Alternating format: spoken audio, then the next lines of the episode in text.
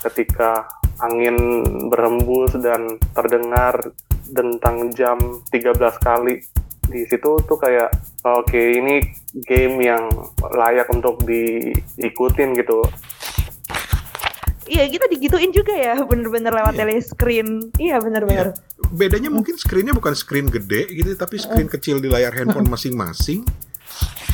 Bikin klub baca, jadi kita bener-bener bisa ngeluarin unek-unek setelah baca 1984 karena dia merasa bahwa gue takut ini kayak yang sekarang lagi gue alamin dia bahkan ngomong kayak gitu.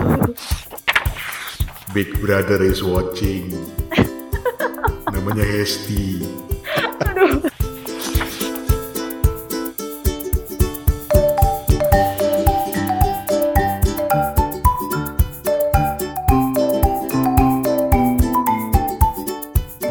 Oke, kawan-kawan kita ketemu lagi di Kepo Buku bersama gua Rane Hafid masih di Bangkok, Thailand. Terus di Ambon ada Steven. Steven, apa kabar, Van? Halo, sehat Bang Rane. Sementara di Singapura ke mana teman kita nih? Iya, lagi tugas, lagi kerja. Kayaknya emang lagi ada proyek gede tuh kayaknya tuh. Iya, mudah-mudahan. Asik. Oke, okay. episode kali ini tanpa Toto kecuali kalau nanti di pertengahan Toto nongol itu anak biasanya nggak ada pakai permisi dia bakal nongol nongol aja saya enak dia gitu loh. Jadi kita lihat aja yeah. nanti apakah rekaman ini nanti ada tiba-tiba Toto nongol di tengah jalan. Tetapi uh, sebagai pengganti Toto kita punya temen, yep. temen lama yang sesekali nongol pasti ada yang spesial kalau dia nongol. Halo. Kabar? Alhamdulillah baik. Masih di Surabaya atau di mana sekarang? Udah pindah. udah balik eh udah pindah ke Depok sekarang. Lu pindah-pindah melulu sih. Iya, makanya.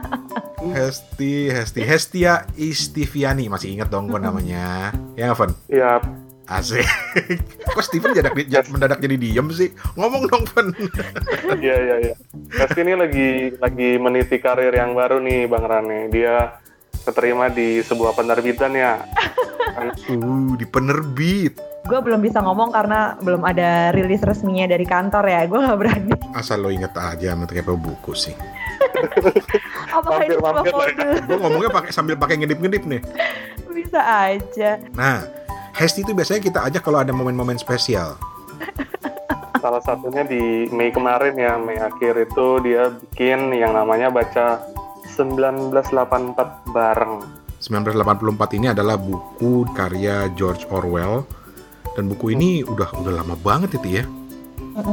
Sebenarnya udah udah masuk ini belum sih? Udah udah yang public domain? Belum karena uh, si apa nama yang punya apa ya kayak uh, hak warisnya itu masih hidup, jadi tetap nggak bisa jadi public domain.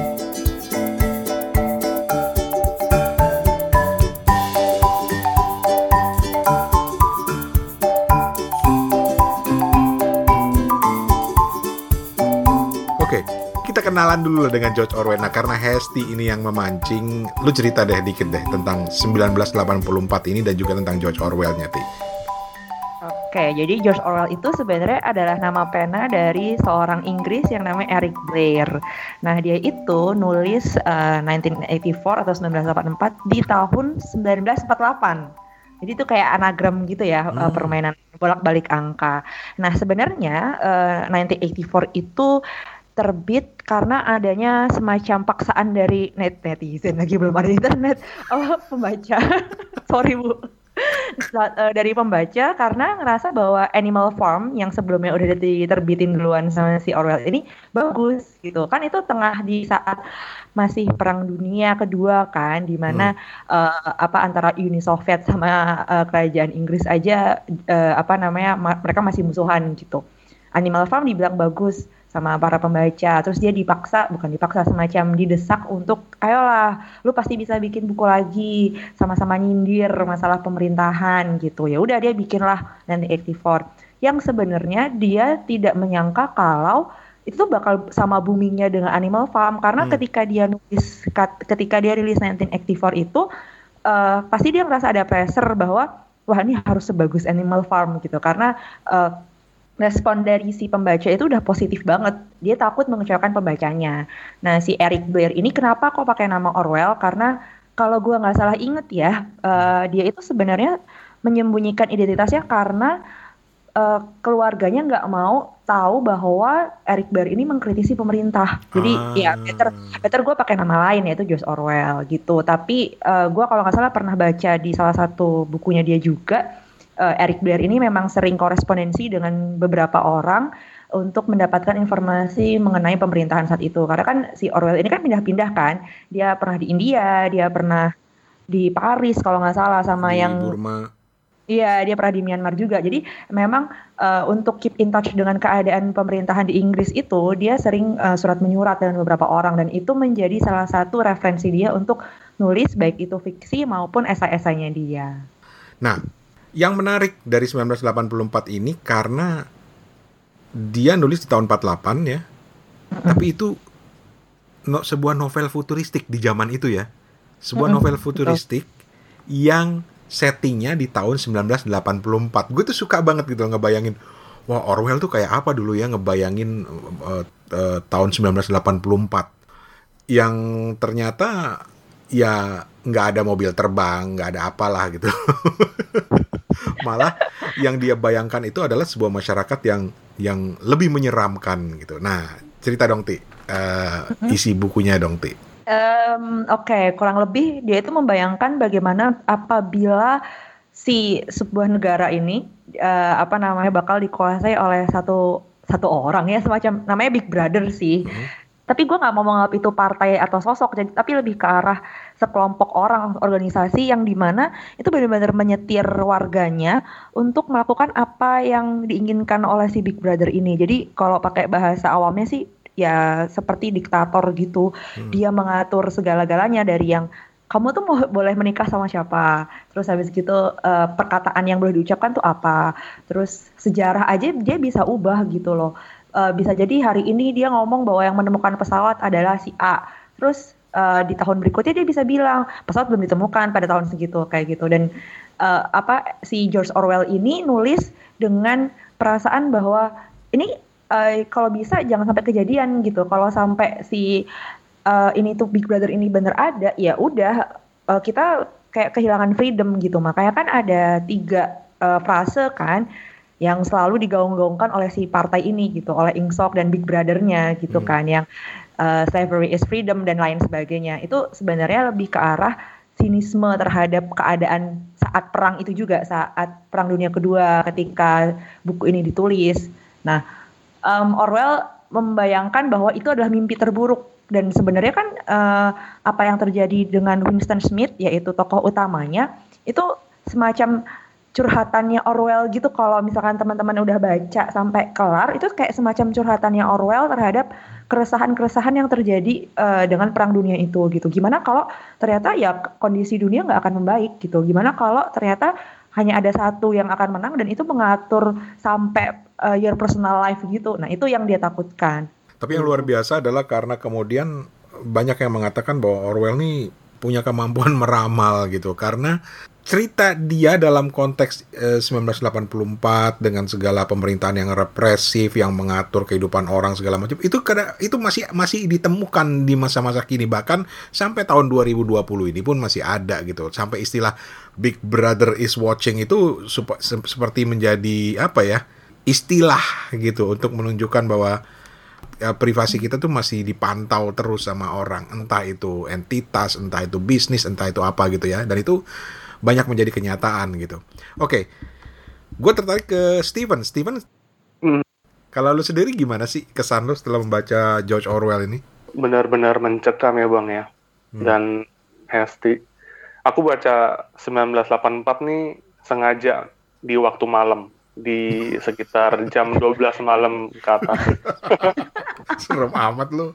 Entah sengaja nggak sengaja ya. Um, dan benar-benar kayak kesan yang cukup mendalam karena dia tuh benar-benar detail dalam menuangkan ceritanya gitu. Mm -hmm. Meski di pertengahan tuh juga kita disajikan dengan uh, ketokohan yang betul-betul memikat ya. Nah, mm. kita benar-benar mau jadi seorang Winston gitu ibaratnya mm. yang dikepung dengan berbagai hal tapi dia pengen melarikan diri dengan love interestnya dia gitu si Julia. Hmm.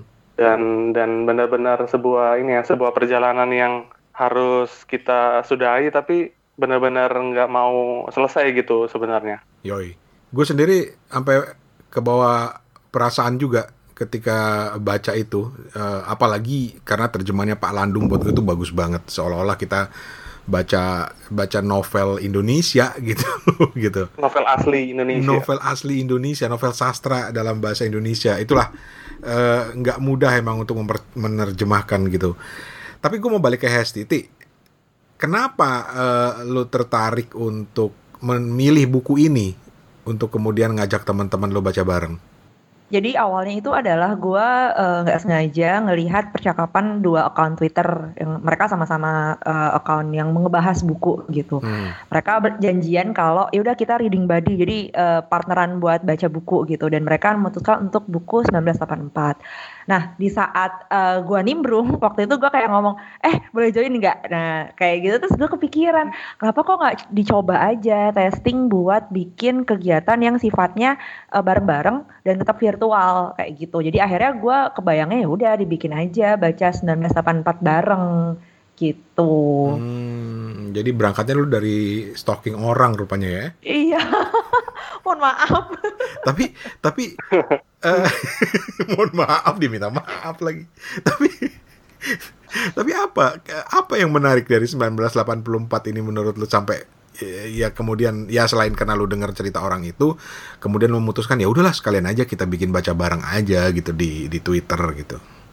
Jadi awalnya gue baca 1984 tuh waktu kuliah karena hmm. kebetulan skripsi gue itu berhubungan sama distopia dan gue hmm. merunut lah tracing apa novel-novel distopia klasik salah satunya si 1984 itu tuh benar-benar masih ngebekas gitu loh sampai gue udah berapa tahun lulus dari kuliah itu kayak masih ngebekas. Dan setiap kali gue googling uh, 1984 meme-nya itu banyak banget. Mungkin uh, bang Rane atau Steven sering banget kan ngelihat bahwa 1984 is uh, is a warning not a manual instruction. Wah itu banyak banget hmm, di hmm, internet hmm, gitu kan. Jadi kayak semakin lama gue semakin ngerasa bahwa anjir gue hidup jangan-jangan seperti di 1984 gitu. Makanya gue sempat beberapa kali nge-tweet ini tuh bukan 2020 ini 1984 ya itu itu karena gue ngerasa kalau uh, hidup kita udah kayak yang ditulisin sama si Orwell. Nah kok kebetulan ada yang ngebahas itu di Twitter terus di awal Juni itu kita masih oh ya kita masih pandemi tapi uh, apa respon antara pemerintah dengan uh, warganya juga apa ya kayak gitu gitu. Jadi uh, gue ngerasa kalau ini kenapa sih? Gitu. Ya kayak cocok nih. Ya udah kayak kok kebetulan aja gitu ngepas-ngepasin dengan berbagai macam uh, apa namanya polemik yang ada di Indo gitu ya udahlah dibuat aja kegiatan. Hmm. Ya dan gua rasa Orwell kalau tahu dan masih hidup sekarang mungkin dia akan stres kali ya. Karena ngelihat bahwa apa yang dia tujukan sebenarnya buat peringatan gitu ya supaya jangan mm -hmm. jangan sampai terjadi lah malah jadi lebih parah gitu. Iya, jadi manual instruction malahan. Benar. Jadi instruction gitu loh. Big Brother itu jadi benar-benar ada gitu loh. Dalam hmm. artian ya bisa macam-macam bentuknya sih, tapi kita nggak bisa bantah bahwa itu ada dalam keseharian kita hmm. gitu loh. Bahkan hmm, setiap betul, orang sekarang megang tuh Big Brother di tangannya tuh. Iya. Iya. Benar. Mm-hmm. Setuju dengan yang Hesti bilang, yang hmm. netizen tuh bilang ini nih kayaknya lagi 1984 deh sebenarnya kan yang kejadian nih. Terus polemik yang baru-baru banget nih kan yang terakhir uh, seorang menteri memakai kalung kalung anti corona itu juga benar apa ya kayak uh, harus kita singgung nih di episode 1984 nih kan uh, cukup cukup apa ya cukup menarik perhatian ya. Uh, kalau uh. sambung-sambungin dengan kementerian fiksi ya atau kementerian apalah yang bertugas di dunia universe-nya Winston ini. Tapi emang iya sih ini memang fiksi gitu, tapi George Orwell tuh melukiskannya tuh dengan bagus banget, dengan keren banget bagaimana kehidupan orang tuh diatur sampai ing, niatan memberontak atau membangkang yang yang masih ada di level pikiran pun aja lacak bisa dilacak gitu loh, sampai se semengerikan itu gitu loh. Oke. Okay. Teman-teman kita masih akan ngobrolin soal 1984.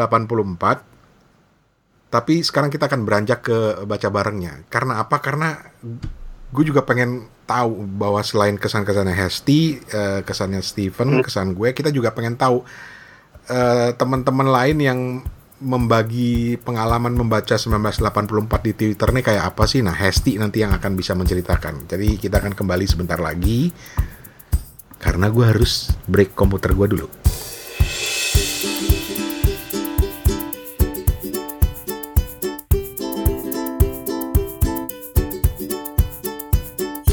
Kita kembali di Kepo Buku, kita masih ngobrolin soal novel 1984 George Orwell dan kita masih bareng Stephen di Ambon. Uh, Toto lagi pusing dengan pekerjaannya. Mudah-mudahan sukses ya, Tok. Dan tentu saja ada Hesti di sini. Hesti, lo menggagas baca bareng atau baca 1984 bareng. Itu maksudnya gimana sih? Jadi baca 1984 bareng itu sebenarnya ngajak teman-teman uh, untuk kita baca bukunya George Orwell itu yang judulnya 1984. Dan itu durasinya satu bulan dari tanggal 1 Juni sampai tanggal 30 Juni. Tujuannya sih lebih ke arah ingin teman-teman supaya tahu tuh yang namanya pengalaman membaca setiap orang tuh beda-beda. Hmm. Kan misal aja Bang Rane nikmatin tapi bisa aja kayak Steven atau uh, Om Toto bilang kan tadi apa namanya yang penting uh, gue tahu isinya nggak perlu tahu nuansanya. Nah itu kan ada pengalaman membaca yang berbeda meski bacaannya sama. Nah itu yang sebenarnya gue pengen ngasih tahu ke teman-teman di Twitter gitu. Berapa orang yang ikutan tuh jadi selama satu bulan itu uh, ada 58 termasuk gue sendiri yang ikutan uh, baca 1984 jadi uh, gue sih nggak ngebatasin dia harus mulai dari tanggal 1 pokoknya selama periode masih berlangsung di bulan Juni itu dia mau mulai di awal atau di akhir bulan silahkan. Dan gue hitung sampai tanggal 30 Juni. Nah gue nggak gue nggak nyangka sih bakal dapet segitu banyak. Mungkin karena dibantu sama beberapa teman-teman yang lain ya ada bahkan masuk ke dalam uh, apa Catch Me Up ID untuk ikutan uh, baca 1984 bareng. Dan semuanya selesai? Enggak, yang selesai cuma sekitar 20-an. Sisanya ada yang tidak selesai, ada yang dia nggak nerusin threadnya. Dengan berbagai alasan lah pastinya lah. Betul. Oke. Okay. Yang aku salut ya dari inisiatif Hesti ini, Hesti itu bisa ngajakin aku ya misalnya hmm. untuk kembali melirik novel ini. Jadi sebelumnya ini sebenarnya di beberapa tahun kemarin kan udah terbit tuh novel terjemahannya. Nah, aku tuh nggak tertarik banget gitu. Belum belum waktunya kali ya. Jadi ketika ada sambutan di Twitter yang kayak, uh Bang Rane yang yang nge-tweet bikin utas yang bagus banget gitu pakai pembuka dia yang ketika angin berhembus dan terdengar tentang jam 13 kali di situ tuh kayak oke okay, ini this is game yang layak untuk di diikutin gitu. Aku menganggapnya seperti itu kayak uh, bareng-bareng tuh lebih seru gitu ya game hmm. yang bareng gitu dan langsung beli bukunya di playbook dan meskipun di akhir Juni itu masih belum selesai tapi ya ini berhasil menuntaskan hmm. berkat inisiatif Hesti ini. Ah, terima kasih, terima kasih. Emang harus Hesti yang ngajak, padahal gue nggak ngajak. ya mungkin kalau misalnya Bang Rane bikin baca bareng juga ya belum tentu juga ya kali ya. tuh kan, tuh kan, tuh kan, tuh kan dia jujur kan. Emang harus Hesti yang ngajak. Emang lo dasar lu, Fen. Untung gak ada Toto lo kalau ada lo udah dibully lo. Tapi overall kesan apa sih yang, yang lu dapat eh, dari teman-teman yang ikut baca bareng uh, bukunya Orwell ini? Mostly mereka itu merasa senang karena uh, udah udah apa ya udah sering denger uh, tulisannya George Orwell yang 1984 tapi belum punya dorongan untuk kenapa gue harus baca gitu. Hmm. Nah ketika gue bikin baca 1984 bareng ini teman-teman yang ada di Twitter tuh uh, ngerasa kalau wah ini jangan-jangan momennya gitu mumpung ada yang nemenin mumpung ada apa ya kegiatan. Jadi akhirnya mereka terdorong buat baca. Bahkan ada beberapa kayak uh, hampir sebagian besar itu udah pernah punya bukunya, tapi hmm. ditimbun gitu aja, Bang jadi baik itu dalam bahasa Indonesia maupun bahasa Inggris. Soalnya kalau di BBW kayaknya buku ini tuh masuk masuk diskonan deh karena gue sempet lihat gitu. Hmm. Jadi kayak hmm. mereka beli beli beli beli beli abis gitu udah ditimbun gitu aja belum ada belum merasa ada urgensi buat baca baru deh ketika gue ajakin bareng-bareng mereka uh, ngerasa oh jangan-jangan ini waktunya gitu buat baca itu yang mungkin menjadi trigger mereka untuk ikutan. Oke, okay. uh, eh, ini yang membaca ini dan tergambar dari thread-thread di Twitter itu adalah orang-orang yang memang suka buku atau mungkin uh, kalangan usia tertentu atau gimana? Lu ada nggak sih gambaran kurang lebih kayak gitu tuh? Rata-rata adalah orang-orang yang uh, bisa dibilang uh, awal kuliah sampai ada yang seumur gua. Hmm. Itu sebagian besar ya bang ya, uh, sebagian kecilnya ada yang di bawah itu atau di atas itu gitu. Nah kemudian mereka adalah rata-rata yang memang kesukaannya juga suka baca, tapi merasa belum perlu atau belum berani untuk baca 1984. Soalnya ada yang lucu sih Bang, ini ada satu account si Dela. Hmm. Nah, dia itu mengira bahwa karena judulnya 1984 atau 1984, dia mengira bahwa buku ini buku non fiksi. Jadi dikira itu buku emang bener buku sejarah gitu. Dia nggak kepikiran bahwa itu tuh buku fiksi.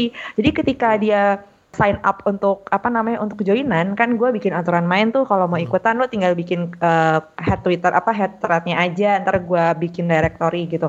Dia tuh masih berpikir bahwa ini adalah buku sejarah gitu kan. Seriusan. Dan akhirnya baru sampai pas dia oh ini ternyata buku fiksi kayak gitu. Dan itu menjadi menjadi evaluasi buat gue sendiri sih malah. Jadi kayak oh ternyata nggak semua orang tuh tahu loh kalau 1984 tuh sebenarnya fiksi bukan bukan non fiksi itu itu itu pertama. Terus ada juga beberapa yang memang punya target baca bang. Jadi hmm. semisal kayak orang-orang yang setahun pingin baca berapa buku gitu. Dia karena ada event ini jadi semacam katalisator kali ya bisa dibilang uh, membantu mereka untuk accomplish uh, reading challenge mereka. Itu ada ada sekitar dua orang ada yang namanya Dwiki sama ada yang namanya Nada. Jadi mereka itu emang punya target baca setiap tahunnya. Terus eh kebetulan ada baca 1944 bareng nih, ya udah dia masukin. Nah ini yang teman-teman yang selesai itu rata-rata memang suka baca sih bang kalau gue uh, kepoin akunnya. Jadi sorry ya teman-teman selain uh, eh, gue ngecek thread kalian, gue juga ngecek uh, isi Twitter kalian apa aja gitu. Jadi gue tahu nih gambaran demografi pengikutnya seperti apa. Big Brother is watching. Namanya Hesti. Aduh. uh, Hesti bisa cerita ke teman-teman kepo buku nggak uh, temuan yang di blog lebih lanjut? Nah, karena uh, gue emang membeba membebaskan mereka untuk mengekspresikan pengalaman membacanya ya. Jadi gue tidak membatasi bahwa setiap kali mereka ngopost sesuatu itu harus berhubungan dengan resensi bukunya atau kutipan itu kan hal yang biasa. Karena gue sebenarnya juga uh, eksperimen. Sebenarnya orang-orang ini kalau pengalaman bacanya dilepas gitu aja dia bakal ngepost apa sih? Ternyata selain tadi uh, Della mengira bahwa itu buku sejarah ada juga namanya Karisa. Karisa ini uh, mengaku bahwa it's quite depressing ya baca apa namanya 1984 itu itu distopia. Karena uh, ternyata bagaimanapun juga ada beberapa orang termasuk Karisa ini dia bisa merelevansikan dengan keadaan di negara kita sekarang gitu. Yoi. sampai bahkan bahkan kebawa mimpi gitu kan. Terus uh, ada juga yang uh, dua orang ini uh, Antis sama Nada itu mengeksplorasi media lain. Jadi Nada ini kan dia itu malah tertariknya untuk melihat jurnal-jurnal atau artikel-artikel lain yang mengacu pada nanti 84 jadi kayak uh, temuan-temuan secara ilmiah kan sebenarnya novel itu bisa ditelaah dari berbagai macam aspek ya. Hmm. Nah, si Nada ini bahkan sampai ngetrace gitu loh uh, jurnal-jurnal apa sih yang pakai uh, nanti 84 gitu. Jurnal mana yang ngebahas itu dan itu menurut menurut gue menarik banget. Wah, ada orang yang bahkan sampai sejauh itu gitu. Ada juga yang dia kayak Bang Rane sih dia nemuin juga filmnya. Terus uh, ada lagi yang namanya Karina. Karina ini bikin ketika dia baca part uh, apa namanya part-part dari nanti 84 kan buku itu terbagi jadi tiga bagian. Yep. Setiap masing-masing dia selesai dengan satu bagian itu dia bikin gambar gitu, bikin semacam mind map tapi bentuknya ilustrasi. Jadi seakan-akan catat catatannya itu ya sempat lucu banget catatannya. Jadi catatannya itu ada gambar-gambarnya gitu menurut dia si Vincent tuh kayak gimana, Big Brother tuh kayak gimana dan itu to be honest gue nggak kepikiran bahwa ada orang-orang yang mau susah seperti itu. Itu kan take effort ya bang ya. Dia hmm. gambar gitu kan setiap part dia gambarin gitu. Itu itu bagus banget gitu. Jadi gue sangat mengapresiasi teman-teman yang bahkan sampai mengeksplorasi sampai sejauh itu uh, walaupun memang baru sampai yang paling ya paling ekstra sih ya Bang Rane gitu ya bikin rilis Spotify sumpah Bang lu lu tuh pasti lu mau ngerjain kayak gitu-gitu wow teman-teman kalau misal mau ngecek nanti bisa cek di akun twitternya Bang Rane. Sumpah itu threadnya sangat lengkap. Gue seneng bacanya. Bahkan ada peta-petanya loh. Kalau kalau gue tuh gini, uh, gue menemukan pengalaman baru baca 1984 ini karena uh, oke, okay, gue baca waktu zaman kuliah karena gue kuliah di uh, ilmu sosial ilmu politik ya dan kayaknya kalau nggak baca Orwell tuh nggak keren gitu loh. Okay. Kayaknya kalau lu ngobrol dengan orang gitu terus lu nggak ngutip-ngutip Orwell tuh nggak keren. Gitu. Okay. Sebuah tuntutan ya. Tuntutan mungkin. Tetapi uh, ketika gue baca ulang lagi, makanya nanti uh, episode ini akan gue beri judul Reply 1984 karena buat gue itu membaca ulang sebenarnya. walaupun dengan terjemahan Indonesia gue menemukan sebuah ke ke kesenangan baru mm-hmm. dan di situ gue menyadari bahwa sebenarnya novel George Orwell 1984 ini sudah juga menyentuh ke budaya gitu loh ke budaya populer terus tiba-tiba kepikiran aja eh keren nih kalau gue cari ada nggak ya lagu-lagu yang terinspirasi novel 1984-nya George Orwell. Dan ternyata banyak. Akhirnya jadi pernah ada satu hari ketika gue posting itu mm itu uh, eh, gue bacanya cuma 20 halaman sisanya gue browsing. Nemu langsung masukin playlist nemu gitu loh. Jadi cari aja Winston's playlist tuh ada di di Spotify dan akhirnya uh banyak loh. Dan ternyata menarik untuk melihat bagaimana sih penafsiran-penafsiran lirik-lirik lagu ini terhadap si Abang Winston ini menarik banget jadi itu yang yang membuat gue eh, tergoda sebetulnya kalau lu sendiri gimana Van? Kalau aku sendiri setelah lihat threadnya Hesti, kan ada tuh teman-teman yang bikin playlist cuplikan film 1984. Dan ketika aku lihat di YouTube tuh, ketika dua menit benci itu benar-benar apa ya? Apa yang aku cuma bisa bayangin, nggak ada setengahnya mungkin ya. Ketika eh, orang-orang uh, pada teriak di depan layar gede, ketika orang-orang tuh bisa diatur untuk membenci sebuah pribadi yang direkayasa sedemikian tuh benar-benar luar biasa penggambaran film 1984 itu. Eh tapi hmm. Ini ini buat teman-teman yang lagi dengerin juga ya. Nanti Hesti atau Steven tolong koreksi ya. Tadi Steven uh, menyebut dua menit benci. Jadi itu adalah sebuah adegan di novelnya uh, di mana masyarakat Airstrip One namanya ya, secara regular mengadakan sebuah kegiatan yang namanya dua menit benci. Mereka berkumpul di depan layar besar, terus diberikan propaganda-propaganda bahwa musuh mereka itu bagaimana, brengsek segala macam. Terus akhirnya mereka teriak-teriak, memaki-maki musuh yang bisa dilihat di layar gitu. Uh, sampai ada yang lempar-lempar segala macam. Dan itu yang gue bikin merinding apa? Hmm. Saat itu juga, saat gue baca bagian itu, kok gue jadi ingat dengan pilpres kemarin. Hmm Iya gak sih, Ti? Iya gak sih, Pan? Iya, bener, bener, bener, bener. Iya gak sih? Juga, uh, uh, uh. Lu ngelihat layar handphone lu gitu ya, terus langsung lu bah, benci, terserah lu di kebu mana, tapi lu benci banget gitu loh. Gue gue merinding gitu, ngebayangin bahwa, eh, gila lu, ini, ini, ini kejadian loh. Bahkan itu terjadi pada gue ketika gue memaki-maki uh, capres yang bukan uh, dukung yang bukan gua dukung gitu ya karena melihat wah brengsek segala macam dan banyak kemudian orang yang memanfaatkan itu untuk menggosokin orang supaya makin benci, makin kesel gitu loh. Ah gila, gue bilang ini menakutin banget gitu. Eh, gue baru keinget yang tadi itu bang, yang soal, iya lu nyebutin apa namanya, bagaimana pilpres kemarin. Iya, ya bener juga gitu.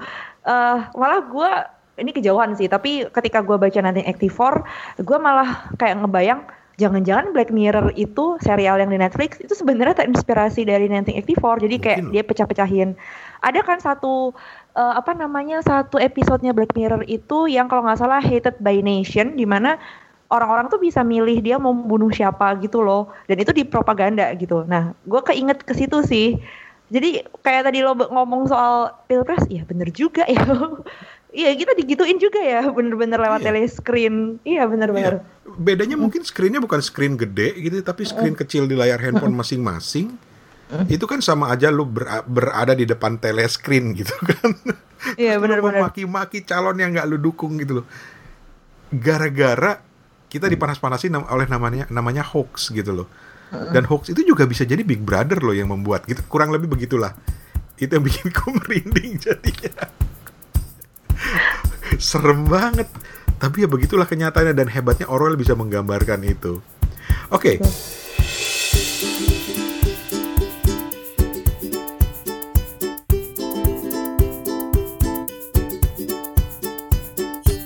Sebelum kita balik lagi ke baca barengnya, Steven ada tambahan?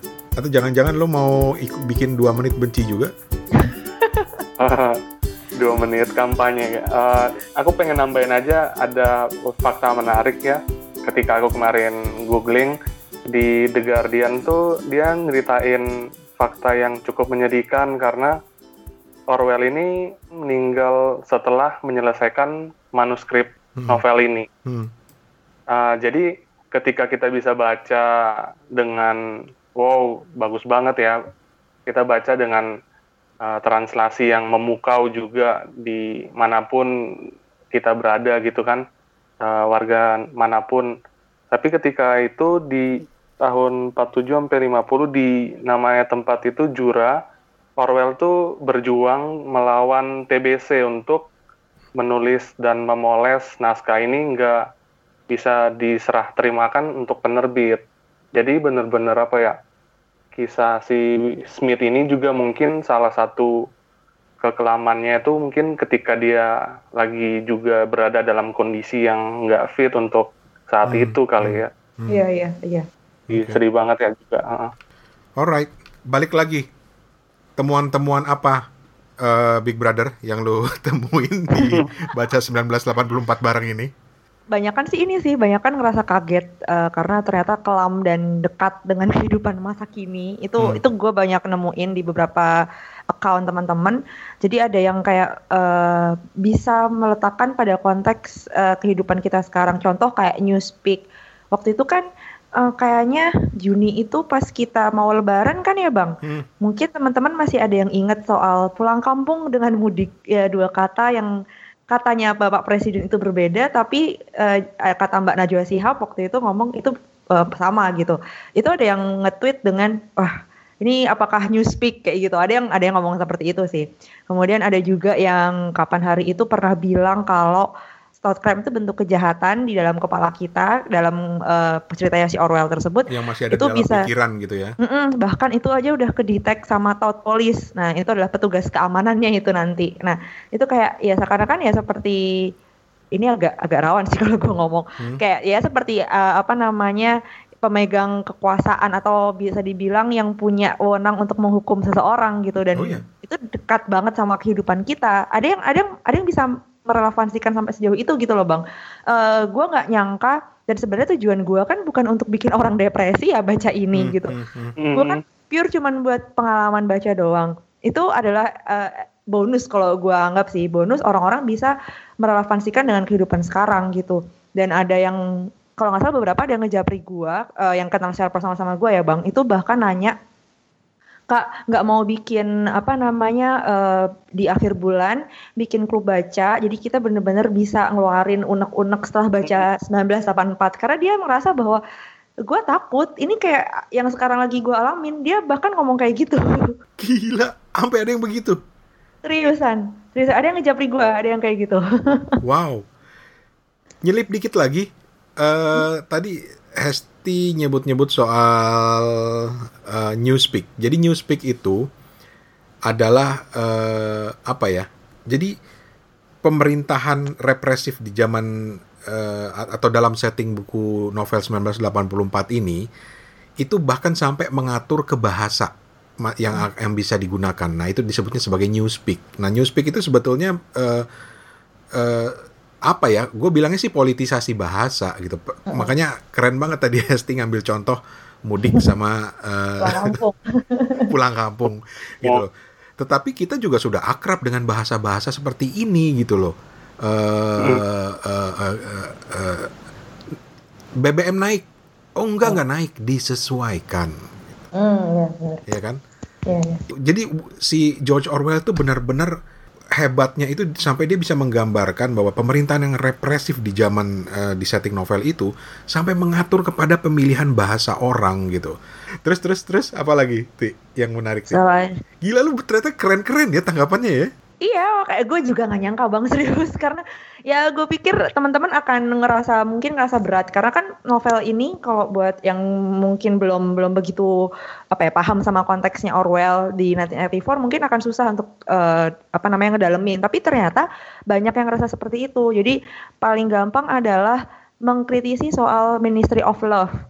Itu dikritisi, ada yang mengkritisi bahwa Jangan-jangan itu cuma sebatas nama aja, kayak uh, apa namanya salah satu kementerian di negara kita yang namanya seakan-akan melindungi warganya, padahal kebalikannya. Nah, hmm. Ministry of Love kan seperti itu. Hmm. Ada juga yang ini nih uh, apa namanya Ministry of Truth, tapi Department of Fiction tempatnya si Julia kerja, hmm. yang bagian departemen fiksi. Uh, hmm. Kerjaannya kan waktu itu ditulis sama Orwell bahwa dia punya uh, kendali untuk menggonta-ganti sejarah Nah, ada yang kayak ngingetin kalau uh, ini uh, sayangnya gue masih kecil sih. Ini Bang waktu zamannya masih Pak Harto, Departemen Penerangan ya, iya. Kominfo.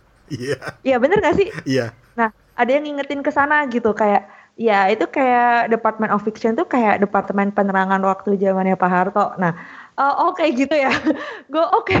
ya ternyata jangan-jangan uh, apa namanya Indonesia selama ini ya kayak 1984-nya Orwell. Ya bener juga. Gue juga mikir-mikir dalam konteks-konteks yang mungkin ketika Orba terjadi sama aja kayak itu. Jangan-jangan Pak Harto dulu baca 1984 ya? Nggak jadi kayak atau jangan-jangan Pak Harmo kok baca 1984 gitu ya jadiin manual. Tapi gila ya. Kalau Bang mau tanya. Uh, Uh, penerangan tuh dulu tuh untuk apa sih sebenarnya? Hmm, Kenapa ya, dibilang penerangan? Penerangan. Untuk membuat terang. Seriusan bang. Jadi departemen penerangan itu adalah adalah hmm. departemen yang membawahi media massa, apa ya? Ya informatika lah, seperti seperti departemen de, uh, Kementerian Informatika sekarang. Tapi kenapa dikasih nama Kementerian Penerangan ya? Soalnya kalau mau dikasih nama Ministry of Truth nanti ketahuan. Enggak, enggak, enggak. Baiklah. enggak, enggak, enggak. Ya itu, uh, apa namanya departemen penerangan itu bisa dibilang sebagai kementerian yang mengurusi uh, informasi. Makanya hmm. banyak terkait dengan media massa gitu kan ya, televisi segala macam dan itu adalah senjata yang paling ampuh di zaman Orde Baru untuk mengatur masyarakat gitu loh. Gue berani bilang begini karena gue hidup di zamannya Winston yang itu. Bagaimana mm. lu uh, menyerang uh, pemerintah sedikit itu di bredel media lo gitu loh. Mm. Tempo itu adalah korban uh, dan yang bikin gak kalah merindingnya lagi ketika gue baca ini walaupun ini gue baca yang kedua kali adalah uh, Menteri Penerangan zaman itu yang sangat terkenal namanya Pak Harmoko. Mm -mm. Itu dulu pernah uh, apa namanya? Melarang lagu-lagu cengeng. The Beatles, bukan ya? Bukan, The Beatles mah zaman belakang lagi, Teven. Itu mah zaman Orla. Kayak gimana tuh bang maksudnya? Jadi dulu ada e, beberapa penyanyi yang lagunya tuh cengeng gitu, mendayu-dayu dan itu dilarang gitu loh karena dianggap me, me, me, me, melembekkan masyarakat. Hah? Oke. Okay. Melembekkan semangat masyarakat. Jadi Uh, kalau lu cari lagu-lagunya Betaria Sonata misalnya pulangkan saja aku pada ibu. Jadi lagu-lagu yang benar-benar dianggap eh ini cemen banget nih lagu ini ini nggak sesuai oh, dengan okay. dengan dengan uh, pemerintah yang ingin memberikan memberikan suntikan semangat kepada masyarakat untuk membangun bla bla bla bla gitu loh. Itu walaupun kebalikannya tapi di novel 1984 ada kan? Hesti si ada. Steven ingat nggak? Ada itu kementeriannya Julia Julia itu salah satu tokohnya nanti kita ceritain dikit ya tokoh-tokohnya ya itu kementeriannya si Julia itu tempat Julia kerja itu kan salah satu tugasnya adalah membuat lagu dengan lirik-lirik cengeng untuk menjatuhkan mental masyarakat proletar. Masyarakat proletar itu di novel 1984 adalah masyarakat yang paling luas jumlahnya, yang paling banyak jumlahnya tentu masyarakat-masyarakat kalangan bawah gitu. Sementara Winston ini sendiri kan kalangan pekerja dan uh, partai itu kalangan atas gitu kan. Jadi luar biasa gitu relevansi relevansinya kayak gitu. terus terus terus gue ter masih tertarik nih. Apa lagi? Ada lagi? Sisa sisa sisanya sih ada yang uh, ini yang gue lupa akunnya siapa. Jadi dia itu memang khusus ngepost uh, kutipan-kutipan yang menurut dia relevan sama keadaan sekarang. Itu hmm. gue lupa akunnya kayak gimana. Tapi ada beberapa yang dia bahkan tuh komen gitu loh yang ya sama kan uh, waktu itu kasus siapa ya Raffio Patra itu di bulan Juni nggak ya Ven atau Bang Rene tahu nggak ya yang ditangkap yang di hijack hmm. WA-nya. Nah itu kayak ngerasa kalau ya itu kayak Big Brother gitu. Jadi lu tiba-tiba disetir, dibikinin narasi kalau uh, lu uh, akan boykot atau bahkan bikin apa kerusuhan di suatu tempat gitu. Hmm. Padahal lu nggak berbuat kayak gitu. Itu kan kayak itu sebenarnya bukan uh, lu nggak nggak salah tapi lu dinarasikan seperti itu. Itu kayak di 1984 gitu. Kan kayak uh, yang di akhir apa di tengah ya bang yang 2 plus 2 sama dengan yang si Winston digituin mulu, ditanyain hmm. mulu, dua tambah hmm. dua berapa gitu. Nah itu kan sama aja kayak yang terjadi sekarang. Ada yang kayak gitu. Nah itu yang gue bisa lihat di uh, beberapa orang-orang sih, di beberapa yang ikutan uh, baca 1984 bareng. Sisanya uh, semacam komentar kayak untuk teman-teman yang merasa kesulitan. Uh, mungkin kalau Bang Rani kan merasa nyaman dengan baca terjemahannya Pak Landung. Hmm. Sedangkan ada juga teman-teman yang ini terjem mana bilangnya aneh kayak gitu ada yang bilang ada yang kaku hmm. gitu untuk baca yang bahasa Inggris um, ada yang ngerasa kalau apa namanya mau ngebosenin ngebosenin terus part satu just lebih aneh part satu itu agak agak slow sih kalau gue bilang ya bang lo harus ya. berjuang beneran. Plot di part satu tuh berat sih sebenarnya. Tapi begitu lo masuk ke konflik itu kayak wah ini kenapa? Ini ada apa lagi? Kayak itu lo horor. Nah itu ada yang bahkan eh, nggak uh, berhasil menyelesaikan ya gara-gara kesusahan dengan plot dan juga kesusahan untuk paham dengan bahasanya. Itu sih. Iya. Khusus buat terjemahan sedikit catatan nanti gue minta Steven karena lu baca terjemahannya juga kan, ya? Iya baca. Oke. Okay. Khusus buat terjemahannya, uh, buat gue memang awalnya lu perlu untuk sedikit apa ya? Baca aja dulu deh gitu. Jangan iya. baru baca beberapa satu halaman aneh banget terjemahannya, cringe banget sih atau uh, ini kok kata-kata apa sih gitu coba dulu gitu dalam artian memang harus berjuang dulu baca baru lu bisa menikmati konteks-konteksnya. Karena Pak Landung banyak memang menggunakan kosakata-kosakata yang tidak umum digunakan di dalam bahasa Indonesia gitu. Gitu. Jadi jadi lu lu harus membiasakan diri. Bahkan ada beberapa saat di mana gue buka KBBI lo untuk mencari lo oh seriusan? Iya ada oh, beberapa kata-kata yang kemudian oh iya ya, oh iya ya, oh ternyata iya. Dan cara dia, coba perhatikan cara dia menjalin kalimatnya. Karena tantangan orang menerjemahkan dari bahasa Inggris ke bahasa Indonesia itu adalah karena lu harus tetap sesuai dengan konteksnya kan. Kalimatnya, paragrafnya itu harus tetap sama gitu ya. Karena ini bukan terjemahan bebas ya. Tetapi Pak Landung itu bisa membuatnya sedemikian rupa sehingga tet jadi gue ada saat-saat di mana gue membandingkan kemudian dengan hmm. bahasa Inggrisnya gitu loh.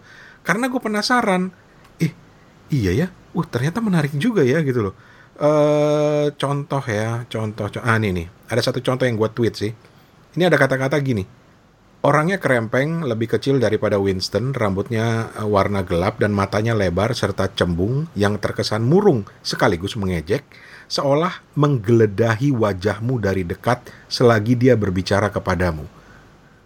Aneh dalam konteks bahasa Indonesia yang kita nggak biasa. menggeledahi wajahmu gitu loh. Tapi ternyata dalam bahasa Inggrisnya pun dia bisa menerjemahkan dengan bagus karena dalam bahasa Inggrisnya dibilangnya gini. He was a tiny creature, smaller than Winston, with dark hair and large protuberant eyes, at once mournful and derisive, uh, derisive, which seemed to search your face closely why he was speaking with you. Hmm.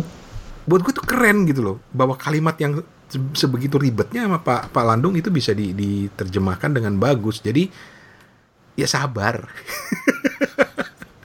sabar, coba deh dicoba, dilemesin aja dulu gitu. Dilemesin.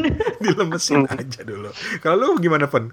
Penerjemahannya ini uh, bagus ya dan ketika membaca dari awal sampai akhir tuh meskipun di beberapa bagian tuh ya harus lemesin aja ya, uh, ikutin aja gitu misalnya di bagian tiga di hmm. bagian tiga awal tuh uh, menurut aku cukup apa ya cukup terlalu cepat gitu ya terlalu juga agak agak baru untuk nuansanya gitu hmm. tapi penerjemahan Landung Simatupang ini benar-benar ketat dalam artian tuh dia bisa mencocokkan suasana, mencocokkan apa yang ada di dalam bahasa Inggris itu ke dalam bahasa, bahasa Indonesia dengan dengan lengkap.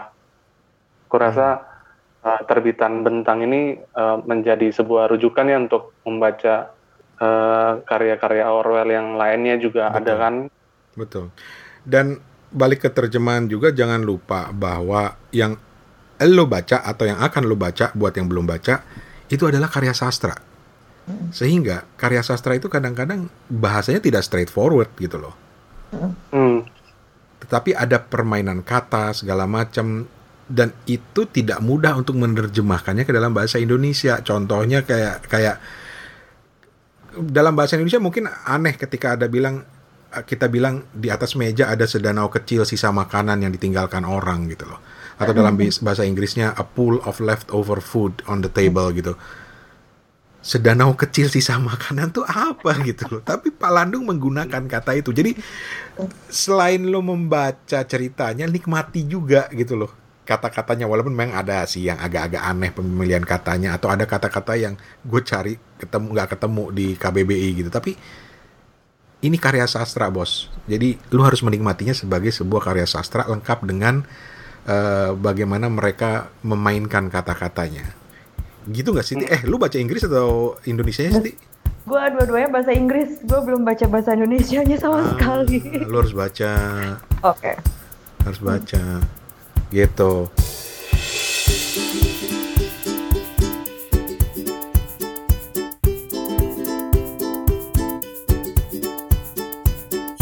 Nah, di bagian terakhir karena kita bertiga ternyata sudah baca. Di bagian terakhir, uh, kasih dong tips buat mereka yang baru dengar sekarang dan oh kayaknya gue perlu baca nih 1984. so, lu yang udah baca dari zaman kuliah ti apa tips buat mereka? Karena ekspektasi orang macam-macam kan ketika mereka mendengarkan cerita kita, wih seru banget nih ceritanya begitu di, mereka mulai baca. Ini apaan sih? Lah, ini kenapa ada ada paper di, di dalam novel gitu. Iya benar benar benar. Ya kan? Karena ya, di, memang di salah satu bagian buku itu kan ada benar-benar si adegan si tokoh utamanya namanya Winston lagi baca paper gitu loh atau baca buku dan bukunya itu dituliskan di dalam novel itu. gitu. Nah, tips dari lo, Ti. Ntar Steven gue juga minta lo, Van. Iya boleh, ya ya tipsnya sih kalau dari gue adalah nikmatin uh, apa namanya nikmatin setiap perjalanan bacanya ataupun setiap perjalanan horornya si Winston Smith menghadapi pemerintahannya Airstrip One itu sih uh, paling gampang adalah mungkin melihatnya dari segi ini negara kita udah hampir kayak gitu loh gitu. Jadi mungkin ada dorongan-dorongan penasaran kayak emang seperti apa sih yang dimaksud di kepo buku, kenapa dibilang relevan sama zaman sekarang. Nah, semoga dorongan-dorongan rasa penasaran mencari kesamaan antara 2020 dengan 1984 bisa apa ya bisa menjadi motivasi untuk menyelesaikan 1984. Oke. Okay. Karena penasaran ya. Iya. Fun? Yang pertama itu ketahuilah kalau 1984 ini salah satu novel terbaik dalam perempat abad terakhir lah. Hmm. Dan salah satu karya klasik yang jangan sampai dilewatkan ya. Tapi kalau misalnya diminta tips apa, yang aku bisa kasih adalah coba aja dulu untuk uh, memulai perjalanan si Winston itu bersama kamu gitu. Dan selangkah demi selangkah, aku rasa bakal bakal apa ya, bakal lebih bakal lebih dekat lagi kamu bisa bersama dengan Winston bisa masuk dalam kepalanya, masuk dalam pemikiran-pemikirannya, masuk dalam ketakutan-ketakutan yang sedang dia rasakan dan ternyata cerita tuh bergulir dengan cukup cepat karena ya ternyata setelah part, part kedua dia konfliknya sudah cukup genting di bab ketiga dan bab penutup tuh hal-hal yang diterangkan tuh terasa begitu cepat untuk aku. Oke, okay. malah jadi penasaran untuk terus baca ya. Iya. Oke, okay. kalau gue ada tiga hal uh, yep. yang praktis aja deh buat yang mau mencoba membaca bukunya George Orwell. Yang pertama ceritanya. Mm. Ini cerita kok sebenarnya. Nikmatilah bagaimana si tokoh utama yang bernama Winston ini dengan kesendiriannya, dengan ketakutannya, dengan buku hariannya temennya gitu ya. Uh, dan kemudian ketika dia uh, tidak pernah menyangka dia akan jatuh cinta lagi dengan tokoh bernama Julia, itu cerita gitu loh. Dan kemudian di pa paruh keduanya nanti dia akan bertemu dengan tokoh lain yang mengubah total hidupnya, itu cerita. Jadi nikmati ceritanya gitu. Itu satu. Yang kedua, nikmati bahasanya sama ketika kita membaca sebuah buku sastra kita nggak bisa langsung nggak nggak kayak baca koran gitu loh lu harus menikmati kalau istilah gua memamah setiap kalimat-kalimatnya itu. Karena itu itu memang dibuat sedemikian rupa untuk menjadi sebuah karya seni menarik gitu loh. Itu yang kedua. Yang ketiga baru pahami konteksnya. Buat gua konteksnya itu luar biasa. Sebuah negara yang fiktif tapi kok ada ada ada dalam dunia nyata sekarang gitu loh. Itu luar biasa. Dan itu harus kita apresiasi dari Orwell bagaimana dia bisa menciptakan itu. Karena gua duga ya dia tulis ini tahun 1940-an kan ya akhir 40-an tetapi gua duga dari mana dia mendapatkan rujukan negara seperti Oceania ini dugaan gua adalah Uni Soviet karena negara yang paling represif ketika masa-masa itu adalah Uni Soviet gitu loh. Atau mungkin dari Jerman juga, kita nggak tahu. Kalau hmm. gue sih ngeliatnya gitu. Jadi tiga hal itu. Lu setuju nggak, Ti? Iya sih, bener-bener bener. Uh, apa ya itu itu tadi balik lagi dia mengkritisi itu masih ada pengaruh dari Animal Farm sih dia nulis itu kan karena hmm. uh, ada tuntutan untuk kalau bisa sebagus itu orang-orang ketika baca Animal Farm bisa langsung uh, merefleksikan oh itu keadaan pemerintahan apalagi nama tokohnya di Animal Farm kan ada yang namanya Napoleon tuh hmm. nah jadi kayak dia uh, si pembaca pun berharap the next novel dari Orwell ya nggak jauh-jauh beda dari Animal Farm hmm. gitu. Gue jadi pengen baca Animal Farm baca baca kalau udah ntar baca bukunya Orwell yang lain lah gue jadi menjerumuskan menjerumuskan emang nih Hesti nih ah, lu tuh tapi Hesti udah baca baca Orwell yang lain-lain juga. Udah, udah, udah baca. Aku baca nanti 84, Animal Farm, Orwell on Freedom, Orwell on Truth, uh, Politics and English Language. Pokoknya beberapa esainya Orwell aku udah baca. Gile. Oh. Lu anak sastra ya, yang... Bukan, gue anak perpustakaan, Bang. Lupa. oh iya, iya, iya, iya. Lupa. Maaf, maaf. Maaf, oh anak perpustakaan. Iya. Oh, dan lu skripsi lu membahas soal novel-novel distopian. Betul. Oke, okay. that's interesting. Oke, okay. uh, eh, dan kenapa gue bilang Hesti ini emang dasar suka menjerumuskan orang untuk membaca? Karena begitu gue baca tantangan membaca berikutnya, gue langsung ngomel-ngomel gitu. Kenapa kenapa tuh? Ti, lu cerita Ti, tanggung jawab lo. Jadi teman-teman setelah kemarin um, berhasil bisa, uh, ini gue bilang berhasil sih untuk bikin acara ba baca bareng tematik yaitu hmm. baca 1984 bareng. Hmm. Akhirnya gue bikin lagi untuk periode 5 Juli hari ini ketika rekaman ini uh, dilangsungkan sampai 5 Agustus 2020. Hmm. Hitungannya tetap satu bulan untuk membaca karya sastra klasik dari H.G. Wells yaitu The War of the Worlds. Ini pasti teman-teman udah pernah tahu deh filmnya. Ini kayak udah filmnya kalau nggak salah yang bikin Steven Spielberg kan ya, hmm, ya itu. Hmm. Jadi uh, sengaja gue angkat itu pertama karena um, gue melihat fenomena corona ini atau COVID-19 ini kayak, aduh semoga nggak spoiler. Uh, apa namanya tokoh yang ada atau musuh yang lagi dihadepin sama wordsnya dalam buku tersebut gitu. Walaupun beda secara ukuran ya yang dalam buku ukurannya gede banget sedangkan yang kita hadepin sekarang uh, super tiny gitu. Ya itu yang pertama. Yang kedua gue juga mendengar beberapa masukan dari teman-teman uh, terkait cara untuk mendapatkan uh, bukunya. Karena kan tulisannya Orwell belum ada yang public domain. Sehingga yep. kalau butuh yang legal itu at least mereka harus beli uh, maksud gue mereka harus mengeluarkan duit gitu kan nggak semua teman-teman ada yang seperti itu kan jadi akhirnya gue mikir yang udah public domain eh, uh, si H.G. Wells ini semua karyanya sudah public domain bisa diakses secara gratis dan legal uh, paling gampang di Project Gutenberg. Jadi itu yang mendasari gue untuk bikin lagi baca The War of the Worlds bareng gitu. Dan buat teman-teman juga tambahan kenapa gue ngomel ketika ST mengumumkan bahwa baca bareng berikutnya adalah The War of the Worlds by H.G. Wells ini adalah karena gue belum baca bukunya terus terang. Tapi gue udah denger radio dramanya. Oh, wah, bagus sih itu bang. Gue udah denger dan radio dramanya itu sering gue pakai sebagai rujukan saat gue ngasih kuliah radio. Dan gara-gara itu gue bilang, aduh Hesti, kalau boleh gue ulang sih gue nggak mau denger radio dramanya dulu, gue mau baca bukunya dulu. Yay. tapi oke tapi ini ini bukan spoiler lah ya tapi buat teman-teman yang tertarik untuk menerima tantangan membacanya Hesti yang bukunya H.G. Wells uh, The War of the Worlds ini ini di tahun 30-an itu pernah diadaptasi dalam bentuk drama drama radio Uh, dan gue selalu bilang ini adalah nenek moyangnya hoax. Hmm.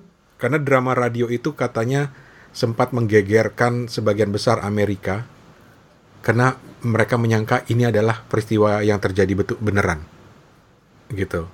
Makanya gue sering pakai ini untuk untuk untuk eh, du- kalau dulu gue masih ngajar untuk menga- eh, apa mata kuliah radio ini ini selalu gue jadikan contoh betapa dengan kekuatan radio lu bisa merasa bahwa gila lu ini kayak bener-bener kejadian kejadian gitu loh Kejadian iya betul sekali.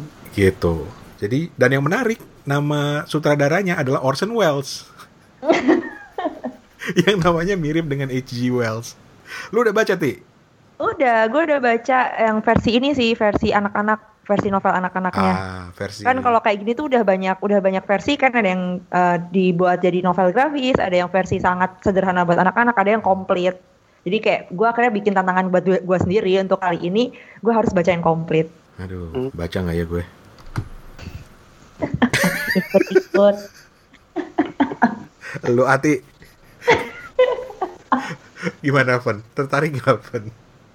Eh, aku aku eh, sejujurnya ketika lihat eh, tantangan baca tuh aku yang punya tuh ini buku novel mesin waktu mesin Oh. waktunya dia Time machine. Heeh. Jadi ketika ini nanti mungkin baca yang ada dulu deh yang buku, buku ini buku cetaknya Oke. Hmm. Oh well, anyway.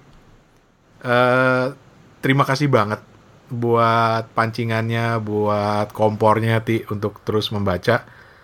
Dan kalau mereka yang ingin melihat laporan baca 1984 ini di Twitter, lu cari aja hashtag baca 1984 angka ya.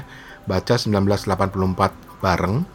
Nanti lu bisa lihat deh semua cerita-cerita orang yang udah membaca. Yep. Anyway, terima kasih banyak. Sukses banget buat Hesti.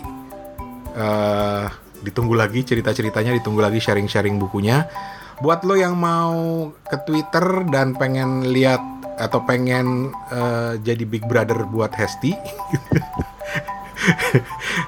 eh, akun Twitternya Hesti adalah HZBoy ya, HZBOY ya. Betul sekali.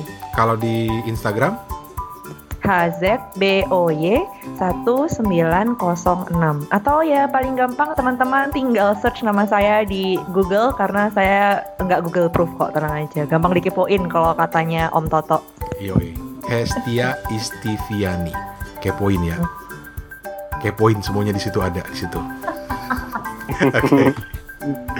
Thank you ya Hesti. Sukses. thank you thank you Thank you. Thank you Steven. ya